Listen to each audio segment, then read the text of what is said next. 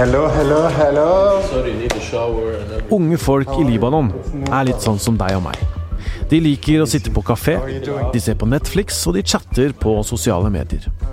Når libanesiske myndigheter ville at alle skulle betale enda en avgift, og denne gangen for å ringe over WhatsApp og andre sosiale medier, blei folk forbanna. Jeg heter Tor Erling Tømt Ruud, og dette er Verdens gang.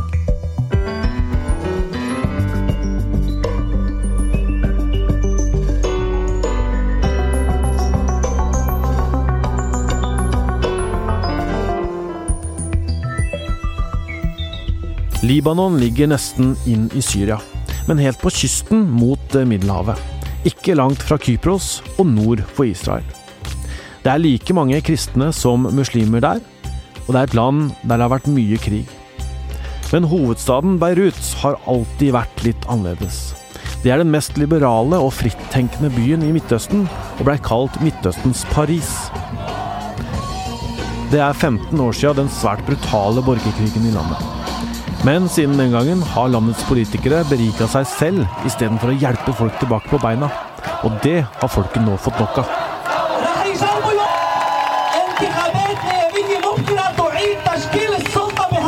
For tolv dager siden trakk eh, libanesere i alle aldre ut i gata for å demonstrere. Med hjemmelagde gassmasker av Pepsi-flasker og eddik for å nøytralisere tåregassen ville de si fra at de var lei av en regjering de mener ikke fungerer, og folk i maktposisjoner som ikke er kvalifisert til jobbene sine, men har fått dem i arv. My name is Joe Khashan. I'm uh, Lebanese, uh, you know, born in Lebanon. I've been raised here. Uh, I'm 32 years old. So uh, I'm Noel Kisirwani. I'm 29 years old, and uh, I'm a freelancer. Um, I work in advertising as a freelancer, and I do music. I do socio-political music with my sister. Along with my sister, we write lyrics, and we talk about daily life problems in Lebanon. And um, I do I do illustration also, and I do uh, social media content for many NGOs around Lebanon, talking about social causes. Amund Bakke Foss er VGs reporter i Libanon. Før helga var han på besøk hos unge libanesere i Beirut, som hadde vært ute og demonstrert. It's a funny story, actually. The the first night, uh, you know, where it escalated from the the afternoon until the the nighttime. Uh, I guess Noel can start with the beginning of the story. We were supposed to to meet uh, right next to, uh, actually very close from here. I guess you could carry on because you got to a place where Yeah, and, and, and there was a huge fire.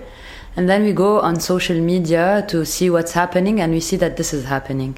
And actually, honestly, and it's a visual, uh, visual visualization of, of how people are feeling inside. This is how people are feeling inside. People are very angry, and what's worse is that uh, I mean, there's there's a there's an anger that's been carrying uh, carry, carried on since the civil war till now. So this all erupted in one big massive uh, protest that started this way and of course it's going to start this way people are very angry and whoever is saying oh this is very i don't know what like it's it's it's people expressing themselves How did you feel when I- you saw that this is happening? when I saw that this is happening, I was very happy. I was very happy, and I felt that at least people are speaking and people are talking, and they're taking back whatever is theirs. And it's very, it's very weird to see people being uh, being uh, deprived from their basic rights and not saying anything. It was very frustrating. The last the last week before this uh, started, we we were all depressed, feeling that what's happening in the country and nobody's saying a word about it. And it was very bad because from the rich to the poorest everybody's very affected. And everybody's living in hell but nobody's saying a word. So it was very very frustrating. Everybody was very frustrated in the whole country. And then we see this we felt that of course this is the time like the time came. I remember because so uh, I mean you should know that uh, how when uh, we- we're at the ninth day today, the ninth day. So it all feels like a, a long day, one huge long day from the beginning of it. It's very surreal. There is one thing uh, that we haven't spoke about yet that I wa- just wanted to bring up. Also, a lot of the protesters tell me that they're so proud. This is a multi-religious and sectarian uh, country with a lot uh, history of sectarian violence. But uh, among the protesters now, it seems very united, and it's uh, across religions. Yeah, yeah. Yeah, absolutely, definitely across religions because uh, you know pe- people are still uh, you know we co- we come from uh, a country where religion is quite uh, big in the chain, right? But uh, the illusion that we had is that this takes over uh, our everyday lives and even our uh, you know political choices because of the fear of the other that the political establishment have been using through the tool of religion and the sect uh, to kind of keep us away from each other. So religion is still here, but it has been put on the personal side at home, and the people come down with their Lebanese flags, uh, not their partisan flags, all chanting as one. Uh, people are being able to move across the country in a way that is more free than before.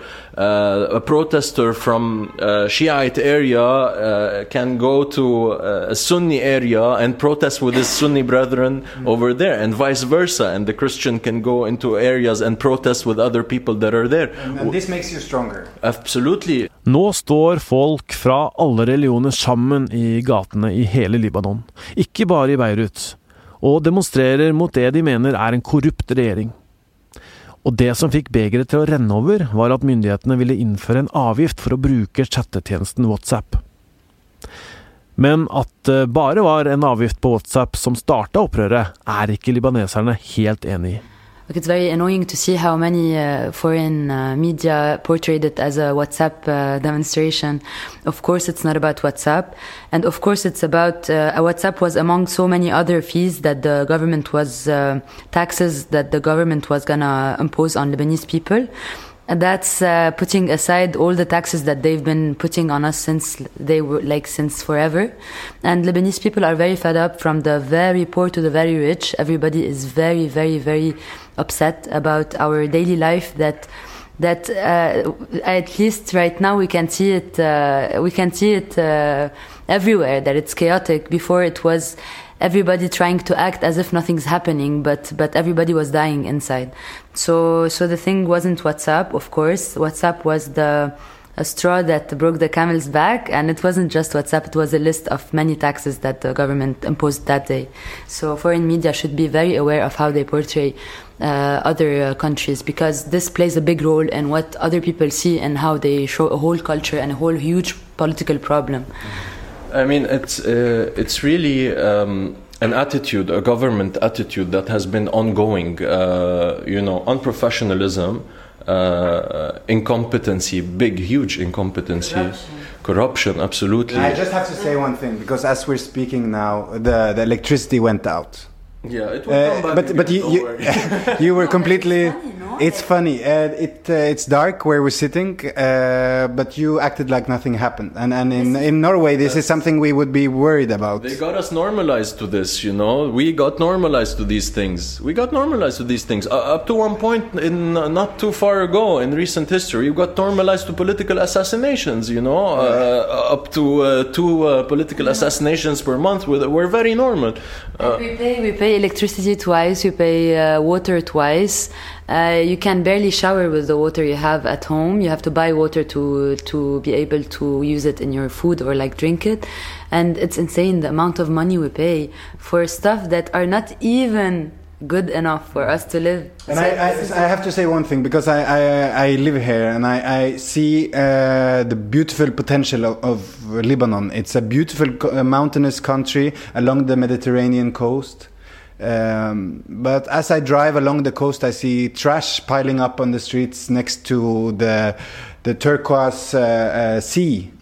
Uh, so the country is not working. the country is definitely not working. Når du bor i Beirut, er dette byen du møter. Hver dag er det, som vi hørte, lange strømbrudd, og søppel fyller ofte gatene. Det finnes ikke noe tog, eller undergrunnsbaner, eller noe særlig godt fungerende busstjenester. Landets politikere beskyldes for omfattende korrupsjon, mens deres løsning på landets gjeld og økonomiske kollaps har vært å innføre nye skatter som rammer folket. You you have uh, corruption and and nepotism and clientelism is so ingrained in every single coming from this political culture that we've been spoon fed, you know, from the days of the civil war until today. But now you feel that there's a, an awakening. You know, the masses are awakened. They want to reject. They want to to to to spit out this this bacteria from them, uh, and with them all this political class altogether. Um, th- there's one thing I wanted to add about the protest, Ahmed, because like now we're really witnessing a kind of awakening all over the world, right? We see we see riots uh, and demonstrations in Chile, in Ecuador. We even see uh, the landscape is changing, even in the U.S. Even the, there's so many things going along. Um, you know, if, if you look at protests in other countries and then you, you look at here, uh, I, am really proud to say that we're really handling it in a very, very civilized way. You have to understand that there are some political factions in the country that don't want this to see the light of day. They don't want the real change to happen. So there are people going amidst demonstrators and trying to scare them off, trying to to to uh, inflict uh, strife and and violence Yeah. uh, by, by provoking. And uh, what, what we saw was They really, want it to really. Chaotic. They want it to be chaotic, but it's not working. It's not working because the people understand that these ta- they understand these tactics. We know these tactics. They have been tried on us again and again. people? Is it mil- the militias, or the warlords? Absolutely, absolutely. Militias, warlords, people who want to stay stuck in this system, you know. Because they gain. Because, absolutely, they've been gaining, like a bacteria that leaches from an organism. They've been gaining. They don't want to leave this organism, and and and we see that the crowds and the masses are really uh, uh, responding to that in a very peaceful way. So amidst the provocation, you see that people, some people are really being provoked. They want to say something. They want to fight back, but at the same time, their brothers they're telling them, "Calm down. This will not." Serve us well. Because we come from so many different you know political and sectarian backgrounds as we've been raised that any little thing can really break it. You know that's this is how we were raised to mm. believe. Mm. But then we see that no now that we have awakened all together and we're all down on the streets and as noel said we're decentralized mm. nothing can beat that. And you see the provocations being responded by uh, responded to with arms in the air saying uh, uh, silmiye silmiye meaning like it's it's a peaceful revolution. It's a peaceful revolution. We will not respond back with violence. We will not fight you. Mm. and then you see them really like so uh, it's really absurd because the, they go out uh, really like something being spit out Mm. Yeah, you know? They, yeah. they really go out without any provocation and then the the demonstration continues. And it's been ongoing like that from day from day one really Enn så lenge har myndighetenes svar på protestene vært å foreslå nye reformer som skal gjøre situasjonen bedre. Men ingen Amund har snakka med i Libanon, tror på disse reformene som foreslås. For de unge i landet er håpet at demonstrasjonene varer helt til regjeringen går av. Uh, there's no way in any any sense to, to go back to the past. So you slept well tonight and you're ready. What are you doing today or this weekend? Imagine what do we have to do? I mean, I mean, we don't have a good- we don't have a job to go back to.